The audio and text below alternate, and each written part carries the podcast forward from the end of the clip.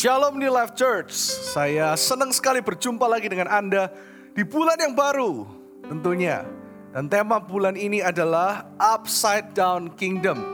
Wow, di bulan yang baru, di tanggal yang baru, mari sebelum kita dengar firman Tuhan, kita kasih tepuk tangan dulu buat semua volunteers yang tadi melayani Tuhan. Come on, haleluya. Yang di rumah, saya mau dengar lagi suaranya kurang keras tepuk tangannya. Come on, thank you buat praise and worship team, buat service management, buat lighting, buat production yang sudah membuat church at home ini, online service ini menjadi reality, menjadi kenyataan ya. Dan sebelum kita dengar firman Tuhan, mari semua yang ada di rumah saat ini kita taruh dulu HP kita, kita taruh dulu segala sesuatu yang tidak penting, yang breakfast bisa stop dulu, kita datang sungguh-sungguh di kaki Tuhan dan kita berdoa sekali lagi. Terima kasih Tuhan untuk hari ini. Kami tahu bahwa Engkau adalah Allah yang sempurna dan Engkau adalah Allah yang selalu menjaga kami. Kami tahu Bapak bahwa mengenal pribadimu adalah panggilan kami yang terutama, panggilan kami yang tertinggi. Dan di tengah-tengah wabah COVID yang masih berlangsung ini Tuhan, kami tahu bahwa Tuhan tidak pernah meninggalkan kami. Seperti Nuh yang tinggal dalam bahtera dan kami tahu bahtera itu adalah Yesus Kristus Tuhan. Kami berdoa supaya setiap kami disembunyikan selalu dalam balik salibmu dan kami melihat kemuliaanmu lebih dan lebih lagi melalui firman ini dan tujuannya hanyalah satu untuk mengenal gembala agung kami yaitu Yesus Kristus Tuhan lebih dan lebih lagi. Jamah setiap kami Tuhan dan setiap pikiran saat ini yang terganggu kami cabut setiap pikiran negatif di dalam nama Tuhan Yesus Kristus Tuhan. Dan saat ini kami percaya semuanya bisa tenang mendengarkan suara gembala yang agung yaitu Yesus Kristus. In Jesus name, amin. Kenapa kok tema bulan ini upside down kingdom? Ya, artinya adalah kerajaan yang berbeda. Kerajaan yang punya nilai-nilai yang berbeda. Karena Tuhan juga berkata bahwa segala sesuatu di dunia ini akan digoncangkan tetapi ada kerajaan yang tidak akan pernah tergoncangkan yaitu kerajaan Allah. Make sure selama bulan ini hidupmu dibangun di atas batu karang yang teguh yaitu Yesus Kristus Tuhan. Dan kita mau belajar nilai-nilai kerajaan sorga. Kita bukan hanya mengikut Kristus, cuman hanya cari berkatnya, cari mujizat. Ayo saya berdoa New Life Church. Kita menjadi Kristen yang dewasa.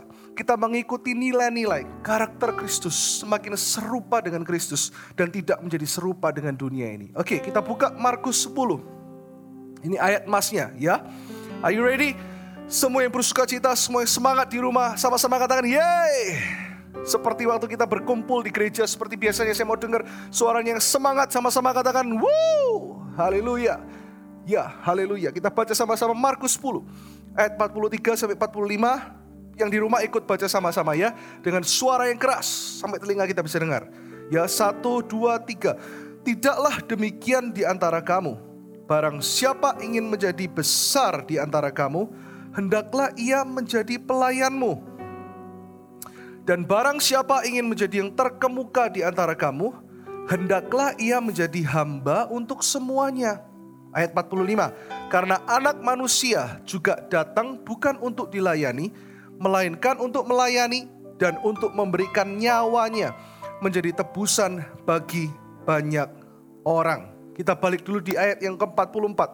Dan barang siapa ingin menjadi yang terkemuka, katakan sama-sama terkemuka di antara kamu, ya. Terkemuka ini kalau dunia bilang adalah sukses, gitu ya. Saya persingkat apa yang dimaksud terkemuka menurut dunia, menurut nilai kerajaan dunia, menurut nilai dunia itu apa? Terkemuka adalah sukses. Dan menurut dunia, orang-orang yang belum kenal Tuhan, dan banyak juga orang yang Kristen tapi cuma Kristen-Kristenan, tidak sungguh-sungguh hidup memuliakan Tuhan. Sukses itu apa? Banyak orang berkata bahwa sukses itu kaya. Ini menurut dunia. Ya, Menurut dunia apa? Sama-sama katakan satu dua tiga. Sukses itu kaya. Sedangkan kalau kita belajar, kenapa di tema di bulan ini upside down kingdom. Kaya menurut dunia itu selalu kalau saya ngomong kaya, apa bayangan Anda? Pasti materi bukan? Kalau saya ngomong kaya, Anda pasti langsung keluar dollars di dalam pikiran Anda. Kaya selalu berhubungan dengan uang itu kata dunia. Makanya kenapa hari-hari ini di tengah wabah covid seperti ini. Orang yang duitnya menipis. Anda diuji hatinya. Apakah duit itu menjadi segalanya dalam hidupmu? Apakah materi segalanya? Tapi apakah Kristus yang segalanya dalam hidupmu? Saya suka ada pepatah ngomong seperti ini. Kalau Anda memiliki Kristus, Anda memiliki segala-galanya di dalam dia. Tetapi kalau Anda memiliki segalanya seperti apa yang dunia katakan materi, kekayaan, ketenaran. Tapi tanpa Kristus Anda tidak punya apa-apa. Dan tahu nggak bahwa ketika kita lihat di Alkitab. Kaya menurut Alkitab itu apa? Ini kita buka sama-sama di Efesus 1 ayat yang ketiga. Ya, kita sama-sama baca ya dengan suara yang keras yang menonton bersama teman, saudara, saudari, mama, papa, keponakan, anak, semua kita baca sama-sama. Anak-anak pun perlu mendengarkan Injil, firman Tuhan yang berpusat kepada Yesus Kristus. Satu, dua, tiga. Terpujilah Allah dan Bapa Tuhan kita Yesus Kristus yang dalam Kristus telah mengaruniakan kepada kita segala apa? Berkat rohani di dalam sorga.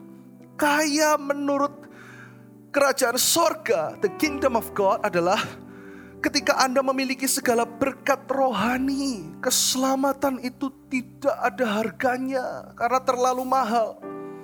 Jadi kalau Anda punya Kristus, Anda sudah memiliki yang paling berharga, titik. Jangan cuma lagu Christ is enough for me. Christ is enough for me. Waktu ketika Anda melihat segala sesuatu seperti Anda yang seperti apa yang Anda inginkan, Anda baru nyanyi seperti itu. Tetapi ketika segala sesuatu saat ini berputar balik seolah-olah tidak ada yang baik, tetapi tahu ketahuilah bahwa Tuhan selalu bekerja di dalam segala sesuatu. Segala sesuatu bukan hanya sesuatu yang baik saja, tetapi Tuhan sanggup bekerja memakai yang kelihatannya buruk untuk mendatangkan kebaikan. Sabar. Tiba-tiba Tuhan ngomong kata-kata ini kepada setiap Anda. Sabar, katakan kanan kiri. Be patient. Sabar untuk menghadapi ini. Anda cuma perlu kesabaran. Karena dia itu alfa dan omega, dia sudah ada di sana, dia sudah ada di penghujung sana, dia sudah tahu bahwa cerita akhirnya adalah selalu kemenangan. Dia menyertai engkau. Dan mari kita, pikiran kita, metanoia kita bertobat hari ini diubahkan bahwa ternyata kaya. Di dalam firman Tuhan ditulis segala berkat rohani. Yang rohani ditulis karena apa? Karena itu yang paling penting Bapak Ibu Saudara. Ketika kau melihat anak-anakmu keturunan ilahi. Mengenal Kristus sejak dini. Mereka melayani Tuhan. Mereka menerima Yesus. Ketika mereka sudah mengerti mereka dibaptis selam mereka sungguh-sungguh bisa tertanam di gereja lokal. Mereka ada di komunitas yang benar. Anda bisa menikmati dinner yang sederhana saat ini bersama dengan keluargamu di rumah dengan sukacita. Karena di sini dikatakan berkat rohani itu apa? Sukacita, damai sejahtera, kelemah lembutan buah-buah roh. Dan ketika Anda bisa menikmati itu, oh itu lebih dari segalanya. Kenapa berkat jasmani nggak ditulis? Yesus juga mati nggak buat berkat jasmani, Pastor? Yes, of course. Tetapi itu nggak terlalu penting. Makanya kenapa yang ditulis di sini oleh Efesus adalah ketika Paulus di penjara nulis ini. Padahal dia tulis ini ketika dia di penjara. Berkat rohani itu jauh lebih penting. Mari bulan ini kita belajar bahwa nilai-nilai yang terbalik itu. Karena kita saat ini mungkin sebelum ini kita jauh dari Tuhan. Kita nggak benar-benar dengar-dengaran akan firman Tuhan. Kita nggak benar-benar mengerti bahwa mengikut Kristus itu intinya adalah Kristusnya. Bukan berkatnya, bukan mujizatnya. Bukan ketika doa kita dijawab sesuai dengan keinginan kita. Tetapi Kristus itu enough. Yesus itu lebih dari cukup bagi kita. Amin. Nah sedangkan kita lihat kalau kita mengejar kekayaan. Kita lihat apa yang Amsal tulis tentang kekayaan. Kita buka sekarang di Amsal 23 ayat 4. Anda harus tahu bahwa Amsal ini ditulis oleh Salomo. Dan Salomo, saya selalu katakan kepada Anda, Salomo itu adalah orang terkaya sepanjang masa dan tidak pernah ada orang yang lebih kaya dari Salomo dan tidak akan pernah ada lagi orang yang akan lebih kaya dari Salomo karena hartanya jika dihitung ya itu orang nomor satu dunia sampai nomor keberapa di total. Saat ini orang terkaya nomor satu sampai orang terkaya nomor berapa di total tidak bisa mengalahkan kekayaan Salomo. Itulah Salomo. Tetapi coba lihat. Jadi ini bukan orang sembarang yang tulis ya. Ini bukan hanya nama-nama atau orang terkaya yang saat ini kita kenal nomor satu di dunia bukan bukan. Ini dibuktikan orang terkaya sepanjang masa. Dia menulis seperti ini di amsalnya ya Amsal 23 ayat 4 ya terjemahan baru berkata seperti ini Jangan bersusah payah untuk menjadi kaya. tinggalkan niatmu ini. Wow. Terjemah lain berkata seperti ini. Jangan menyusahkan dirimu untuk menjadi kaya. Tinggalkan pengertian itu. Saya tahu juga ada banyak anak muda yang menonton. Karena kita selalu dengan sosial media saat ini orang bisa lebih kelihatan. Bukan cuma kelihatan aslinya, tapi banyak juga di sosial media itu yang palsu, betul? Sehingga akhirnya kita memiliki pengertian bahwa kaya itu enak, punya materi itu pokoknya hidup tuh harus kaya. Tahu nggak orang terkaya ngomong ini? Tinggalkan pengertian itu. Mungkin kita punya pengertian yang salah. Mari kita bertobat. Kita bukan kejar kekayaan. Tapi kita kejar Yesus. Terjemahan lain juga berkata seperti ini. Jangan bersusah payah untuk menjadi kaya. Batalkanlah niatmu itu. Salomo telah mengecap kekayaan lebih dari apa yang kita bisa bayangkan. Tetapi dia menulis juga di satu tulisan yang luar biasa. Kita buka saat ini di pengkhotbah 12 ayat 8. Apa yang Salomo katakan tentang kekayaan? Salomo berkata seperti ini. Kesia-siaan atas kesia-siaan. Kata pengkhotbah, segala sesuatu adalah sia-sia. Artinya apa? Kekayaan, materi, ketenaran. Salomo bukan hanya orang terkaya, dia membangun bait Allah yang termewah, dia punya kekuasaan di seluruh dunia, dia orang yang tampan, orang yang terkenal, orang yang digemari, tetapi dia dalam hidupnya meninggalkan Tuhan dan dia mengecap kekayaan itu dengan dia berkata bahwa semuanya sia-sia tanpa Tuhan. Saya percaya sih di akhir hidup Salomo, Salomo berbalik kepada Tuhan. Tetapi ketika dia mengalami masa kejayaan, keemasan semuanya itu tanpa Tuhan, itu kosong dan hampa. Kemarin saya baca satu quote yang bagus ya. Tim pengembalaan bantu saya untuk temukan quote ini. Jim Carrey ya. Siapa yang tidak tahu Jim Carrey orang yang sangat tenar. Ya, comedian, aktor asal Kanada. Dia main banyak film di Hollywood. Dia ngomong seperti ini. I hope everybody could get rich and famous and will have everything they ever dreamed of. So they will know that it is not the answer. Dia ngomong gini, saya harap semua orang bisa jadi super kaya, bisa jadi terkenal. Dan dan memiliki segala sesuatu yang mereka inginkan. Bukankah ini apa yang kata, yang khotbah katakan? Yang menjadi keinginan hatimu, dapatkan itu, kejar itu. Tapi Salomo bilang ingat, segala sesuatu yang sia-sia. Tanpa Yesus segala sesuatu sia-sia. Dan Jim Carrey juga mengutip hal itu. Sedikit banyak dia mengutip hal itu. Saya tidak tahu dia kenal Tuhan atau tidak. Tapi dia ngomong gini, ketika kamu sudah punya segala kekayaan itu, ketenaran itu, kamu sudah punya segala sesuatu yang kamu inginkan, nah kamu akan tahu, bukan itu jawabannya. Wow. Bukan itu jawabannya. Karena dikatakan bahwa Christ, Yesus Kristus, is the hope of glory.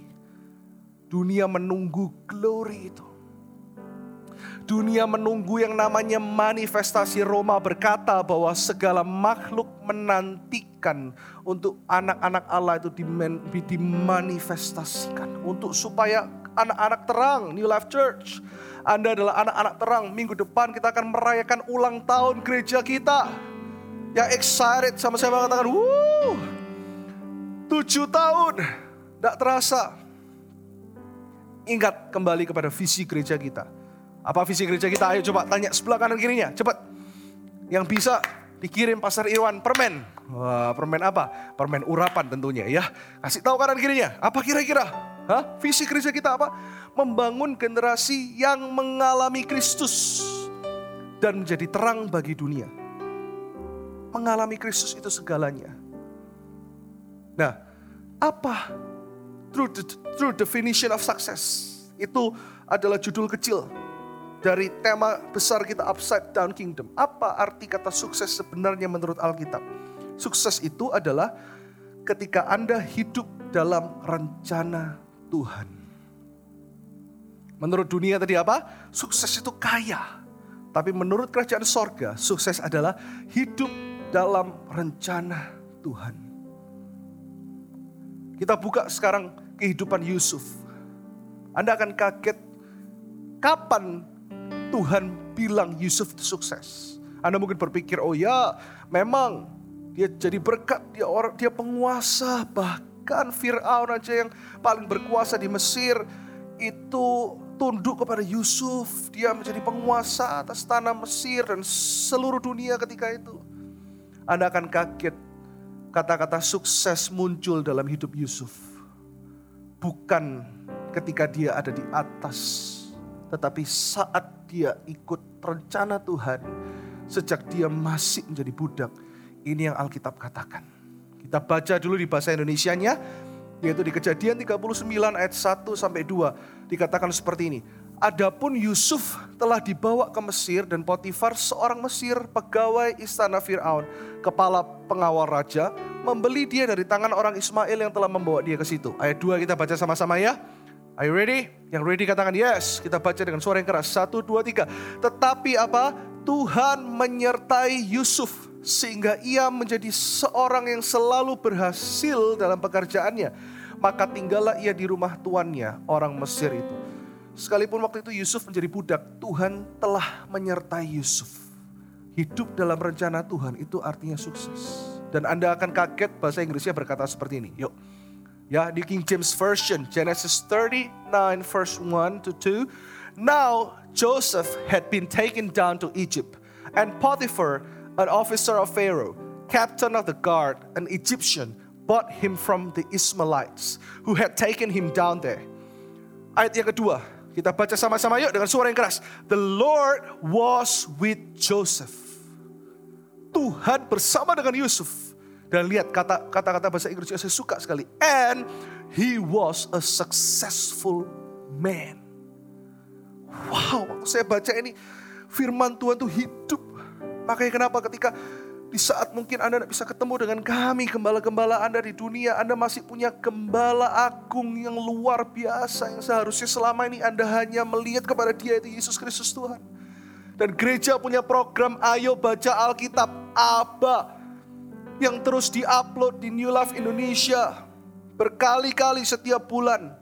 Anda tahu bahwa apa kita di bulan Mei kemarin kita baca 1 Samuel, 2 Samuel, kita baca 1 2 Samuel lagi kita lihat bagaimana juga perjalanan Daud dan kita melihat bagaimana setiap firman itu melompat itu namanya rema. Anda baca, Anda lihat lagi waktu saya baca lagi ayat ini sekalipun saya sudah berkali-kali baca kejadian dikatakan bahasa Inggrisnya, oh waktu Yusuf jadi budak Tuhan sudah ngomong he was a successful man.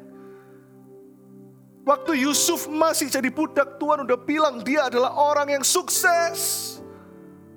Wow, what about you? Anda cuma berpikir sukses itu ketika Anda punya segalanya, ketika Anda punya tahta, ketika Anda punya pengaruh, ketika Anda punya koneksi, ketika Anda punya ini. No, Yusuf hidup dalam rencana Allah sekalipun waktu itu. Dia tidak tahu suatu hari dia akan menjadi penguasa. Dia tidak tahu suatu hari dia akan diangkat. Tapi dia hanya berkata dengan rendah hati, Tuhan, aku mau tinggal dalam rencanamu. Tidak ada kata terlambat bagi setiap yang menonton hari ini melalui Facebook ataupun YouTube. Ataupun Anda nanti mengulang online service ini, pegang firman ini. You are a successful man. Bukan karena apa yang Anda punya. Ada satu quote yang bagus berkata seperti ini. It's not about what you have, but who you have. Bukan tentang siapa, bukan tentang apa yang Anda punya, tetapi tentang siapa yang ada dalam hidupmu, yang Anda punya, yaitu Kristus. Yusuf hanya berkata, "You know better than I." Mungkin Anda banyak tidak mengerti hari ini. Cuman katakan saja, "You know the way." Aku tahu jalan itu. I've let go the need to know why. For you know better than I. Yusuf berkata dan berkata seperti ini. Oh you know better than I. You know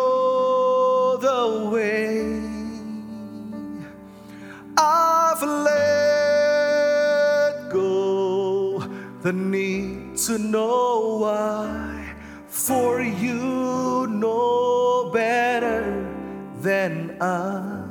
Katakan itu. Anda mungkin ada di dalam posisi Yusuf saat ini pekerjaanmu lagi turun gak karuan. Mungkin juga beberapa Anda kehilangan pekerjaan. Seperti ketika Yusuf dijual sebagai budak. Bukankah cerita ini relevan dengan keadaan hari-hari ini? Tetapi Alkitab tetap berkata, jangan khawatir selama engkau ada dalam rencanaku kata Tuhan. You are a successful man and woman of God. Pegang janji Tuhan. Saya rasakan urapan Tuhan mengalir saat ini. Ke setiap rumah-rumah saya rasakan hati Tuhan saat ini. Anda mulai bangkit lagi dan berkata, Yes, I know. Aku dalam rencanamu, tidak ada yang salah. Aku tinggal di zaman ini, aku bisa melihat semua ini. Karena aku tahu di tengah kegelapan dunia, terang itu akan semakin bersinar. New Life Church, jadilah terang itu. Dan membawa revival, discipleship, and influence. Membawa kebangunan rohani memuridkan mereka yang terluka dan jadi influence. Seperti gereja ini tidak akan pernah berhenti bermimpi untuk menyekolahkan lebih banyak orang. Justru di tengah wabah ini saya ketika saya ngomong dengan istri saya, saya berdoa dengan istri saya, saya bilang kita nggak disetop oleh wabah apa pun. Kita bergerak maju karena Tuhan bersama-sama dengan kita di dalam nama Yesus. Tetap miliki visi itu, tetap miliki pengharapan itu. Dan tetap bermimpi bersama Tuhan. Seperti Yusuf, he is a dreamer.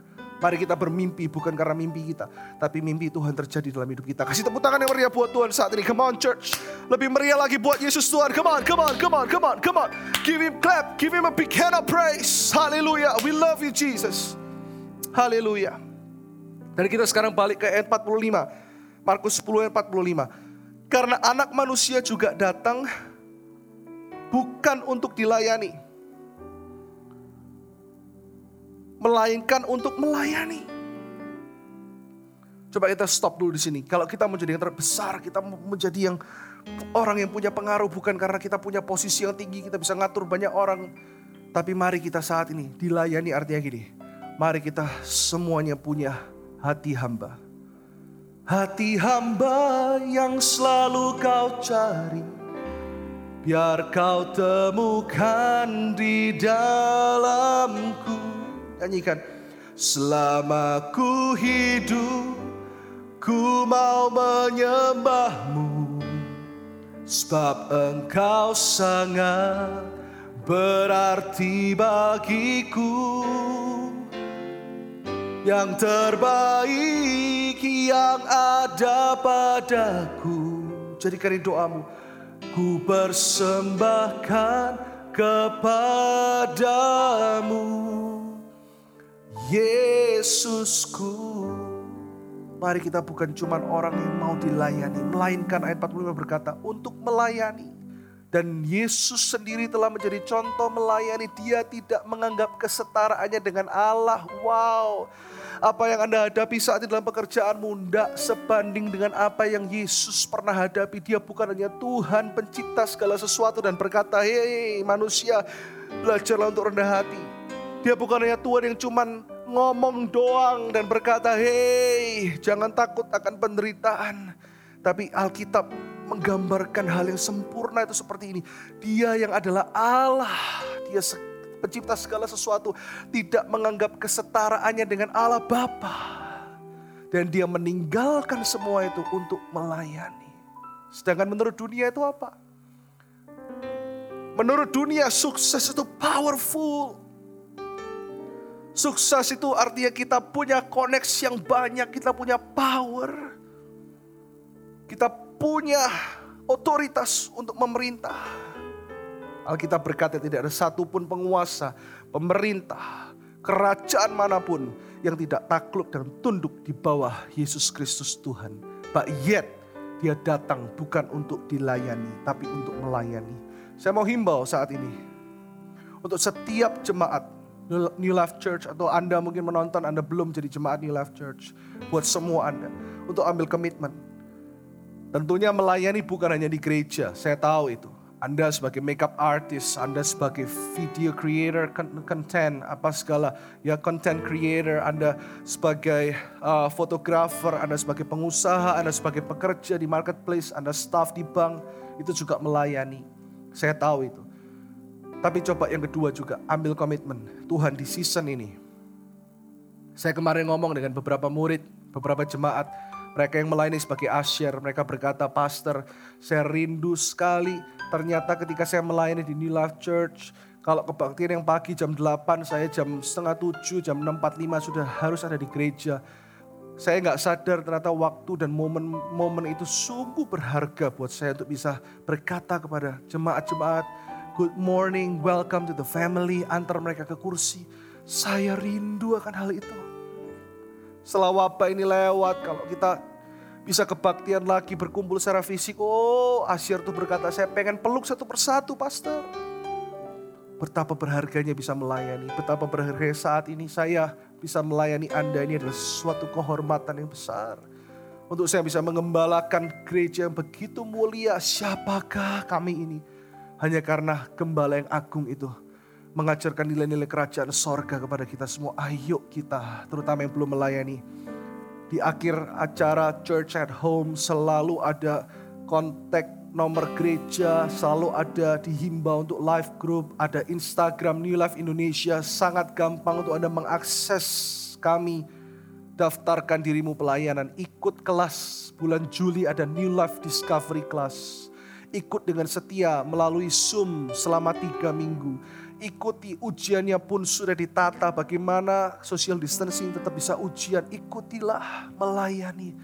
Anda ajak jiwa-jiwa untuk dengarkan karena setiap firman dari mimbar di Life Church selalu mengarahkan Anda bukan kepada kami, tetapi kepada Yesus Kristus yang hidup. Amin. Ini poin yang terakhir. Tapi menurut kerajaan sorga, sukses itu apa? Kalau dunia berkata sukses itu powerful, punya power. Kerajaan sorga berkata, sukses itu adalah mengerjakan panggilan Tuhan dalam kehidupan kita. Bukan hanya hidup dalam rencana Tuhan, tetapi orang yang hidup dalam rencana Tuhan pasti akan mengerjakan panggilan Tuhan dalam hidup kita, dalam kehidupan kita.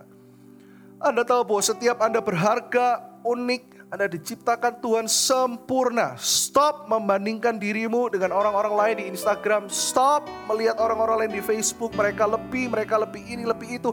Anda sempurna di hadapan Tuhan. Karena Anda special. Tidak ada lagi yang kayak Anda. Dan tidak ada yang kayak Anda sebelum Anda. You are the only one. Dan saat ini Tuhan berkata. Dan saat ini saya percaya bahwa ini adalah hatinya Tuhan.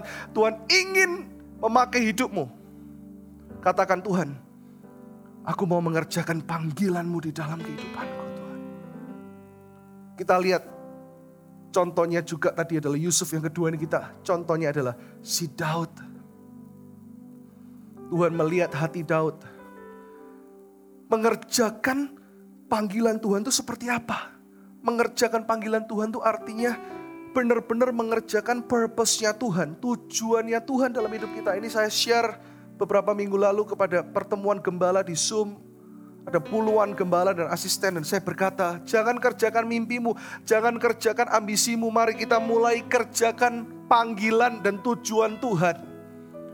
Daud tidak pernah minta jadi raja, tapi Daud dipilih.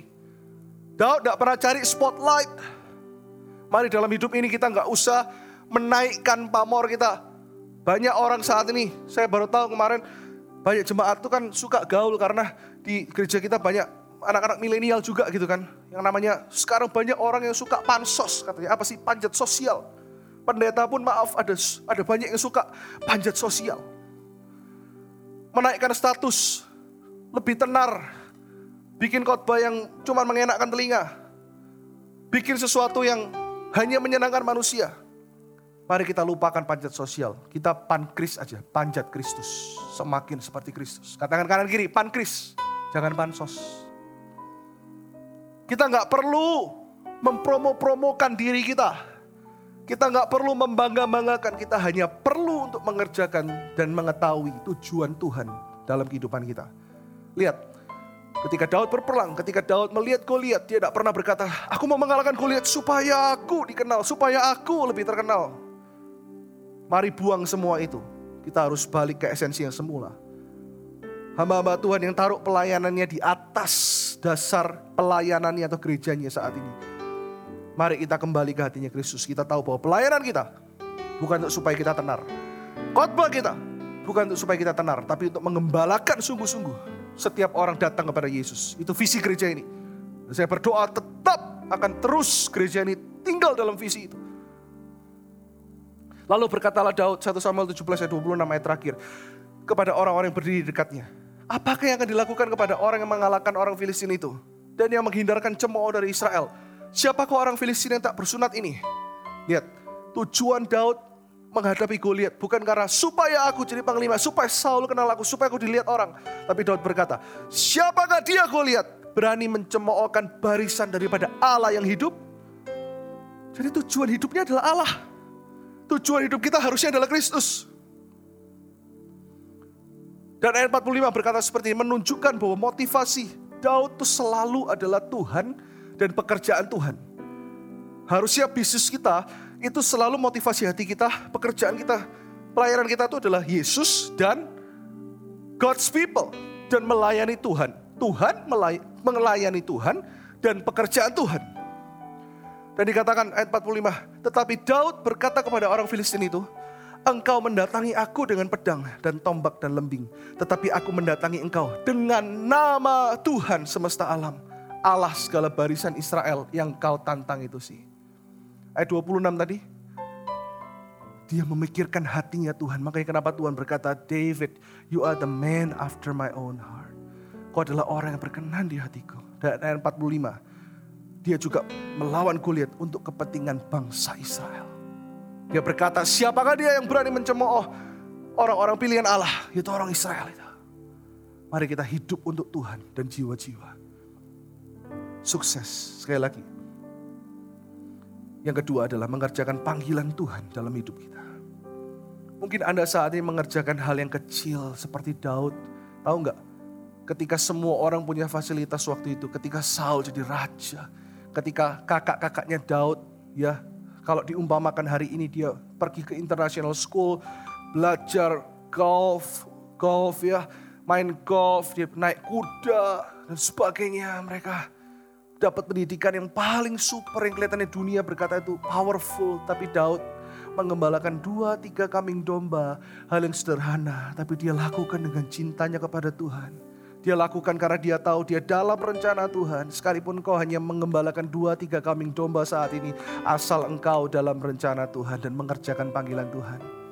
Kau akan menjadi orang yang berbeda saudara-saudaraku, saudara-saudariku. Goliatnya mungkin sama. Covidnya sama. Tetapi cara Anda memandang Goliat itu. Goliatnya sama tapi semua orang Israel takut waktu itu. Tetapi Daud disertai Tuhan dan Daud melihat karena Tuhan bersama dengan Daud, kasih karunia Tuhan ada dalam hidup Daud. Daud memandang Goliat dengan cara yang berbeda. Mulai hari ini Anda akan melihat COVID, wabah, krisis ekonomi ini dengan cara yang berbeda. Asal Anda tahu bahwa Anda selalu ada di tengah, yaitu Tuhan dan jiwa-jiwa. Seperti Daud melayani Tuhan dan pekerjaannya itu jiwa-jiwa. Waktu itu Daud melayani Allah Israel dan bangsa Israel. Anda saat ini berdirilah di tengah-tengah itu adalah pengurapan, saya selalu katakan itu. Layani Yesus Tuhan, Raja itu segala-galanya. Dan jiwa-jiwa dan pekerjaannya. Hari-hari ini saya mau kasih tips. Apa pun yang Anda lakukan kecil atau besar. Mother Teresa, Mother Teresa pernah ngomong seperti ini. It's not how much we give, but how much love we put into giving. Bukan seberapa banyak yang kita beri, tetapi seberapa banyak cinta kasih yang kita taruh dalam pekerjaan kita yang kecil ini saat ini. Dalam pelayanan kita saat ini. Dalam keluarga kita apa pun yang Anda kerjakan. Taruh kasih Tuhan itu di sana. Dan Daud menjadi raja bukan karena kemauannya. Tapi karena kehendak Tuhan yang sempurna terjadi dalam kehidupan Daud. Satu, satu hari nanti saya akan jelaskan tentang kehendak Tuhan ya. Lain waktu. Tapi kehendak Tuhan yang sempurna, saya selalu katakan kehendak Tuhan yang sempurna itu terjadi ketika Anda berkata, Tuhan Yesus, hidupku milikmu. Jadi sukses menurut kerajaan sorga. Dua poin saja hari ini. Yang pertama apa? Hidup dalam rencana Tuhan. Yang kedua, mengerjakan panggilan Tuhan dalam kehidupan kita. Katakan kanan kiri yuk. Dua poin saja. Hidup dalam rencana Tuhan dan mengerjakan panggilan Tuhan di dalam kehidupan kita. Sebentar kita akan menikmati perjamuan kudus. Saat ini kita kembali seperti ketika kita ketika kita kebaktian seperti biasa Jadi perjamuan kudus setiap minggu pertama di bulan yang pertama ya.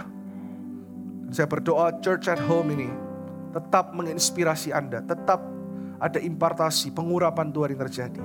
Anda semakin mengenal Yesus dan terus doakan untuk pembangunan Ciputra World. Kita sama-sama berdoa ini timingnya Tuhan. Kita akan sama-sama celebrate di tempat yang tepat, waktu yang tepat, dan kehendak Tuhan yang sempurna terjadi atas setiap kita gereja Tuhan. Saya pengen kita nyanyikan lagu ini sama-sama ya. Sebelum kita menikmati perjamuan kudus, siapkan dulu perjamuan Anda.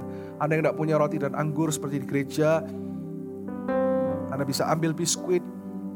Apa harus dengan Fanta, Pastor? Dengan air pun tidak apa-apa. Bukan medianya, tetapi Yesusnya yang penting. Ku hidup karena percaya. Kau yang berjanji setia. Pengharapanku selalu ada di dalammu Sama-sama nyanyikan yang di rumah. Angkat kedua tangan. Ku tidak akan menyerah. Meski dalam kesesakan Seluruh hidupku dalam genggamanmu Sama-sama angkat kedua tangan kita. Kita fokus kepada Yesus. Aku punya Tuhan yang besar yang telah berjanji dan sanggup menggenapi imanku bersepakat percaya kuasanya katakan ku terima sekarang kemenangan darimu. Lebih semangat lagi yang kedua tanganmu katakan aku punya aku punya Tuhan yang besar yang telah berjanji dan sanggup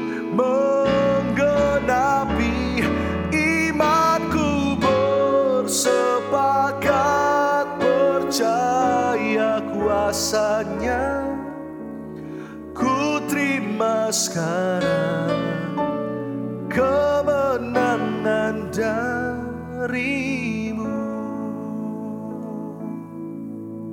Mari kita angkat roti ini tinggi di sebelah tangan kanan kita. Kita ucap syukur terlebih dahulu. Yang bisa berbahasa roh saat itu adalah bahasa doa yang sempurna. Oh ramatuku shikanana ramata Kami tahu kau menjamah kami dengan kedua tanganmu yang berlubang paku Tuhan. Dan engkau juga menjamah roti ini dengan kedua tanganmu yang mulia itu Tuhan. Kuria kanata ramatu kuria narama shikara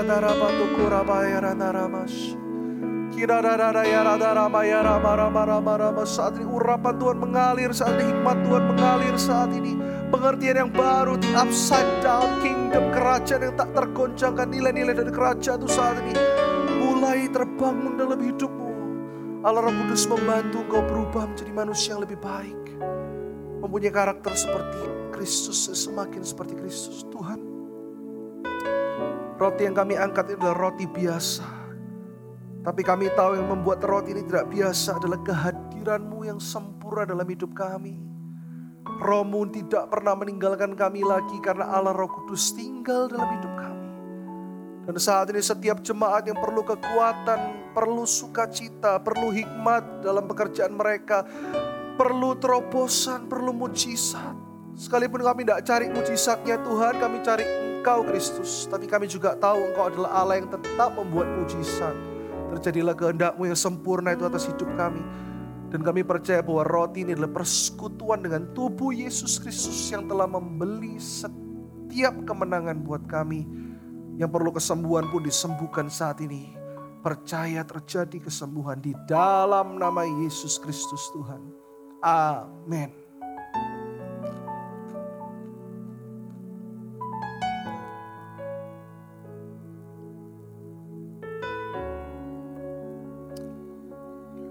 Kami angkat anggur yang biasa ini di sebelah tangan kanan kami.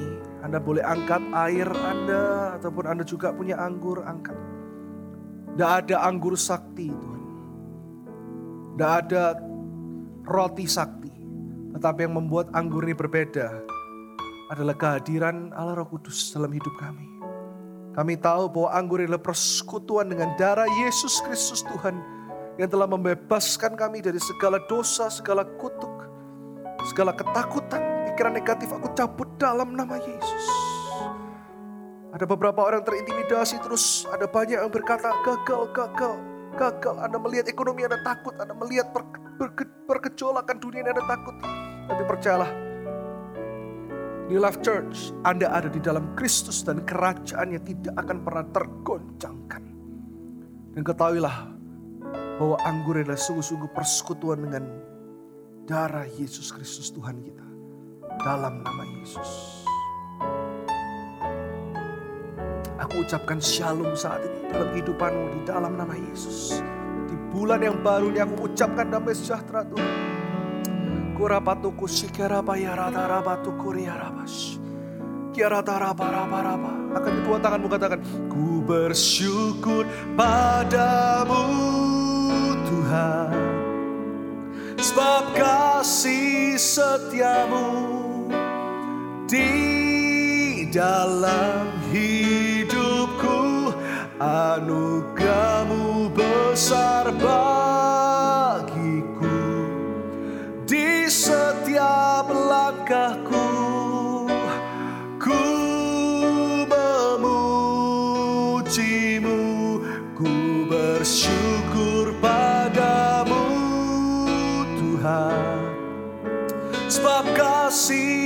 setiamu di dalam hidupku.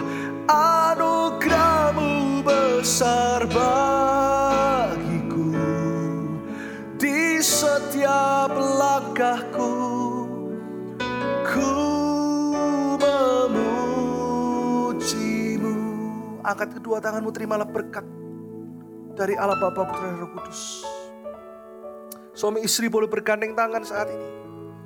Satu keluarga dengan anak-anak atau dengan cucu-cucu, semuanya Anda bergandeng tangan saat ini. Di mana ada persatuan dan Anda saat ini komitmen bahwa keluargaku melayani Tuhan selama-lamanya. Tuhan katakan keturunanmu perkasa di hadapan Allah dan di hadapan setiap manusia. Terimalah berkat yang sempurna dari kedua tangan berlubang paku saat ini.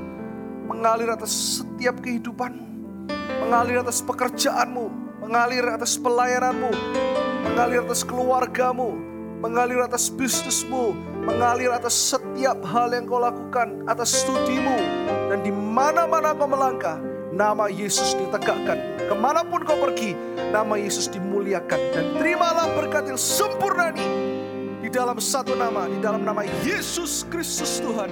Semua yang percaya diberkati Tuhan Yesus sama-sama katakan amin tiga kali. Come on. Amin. Amen.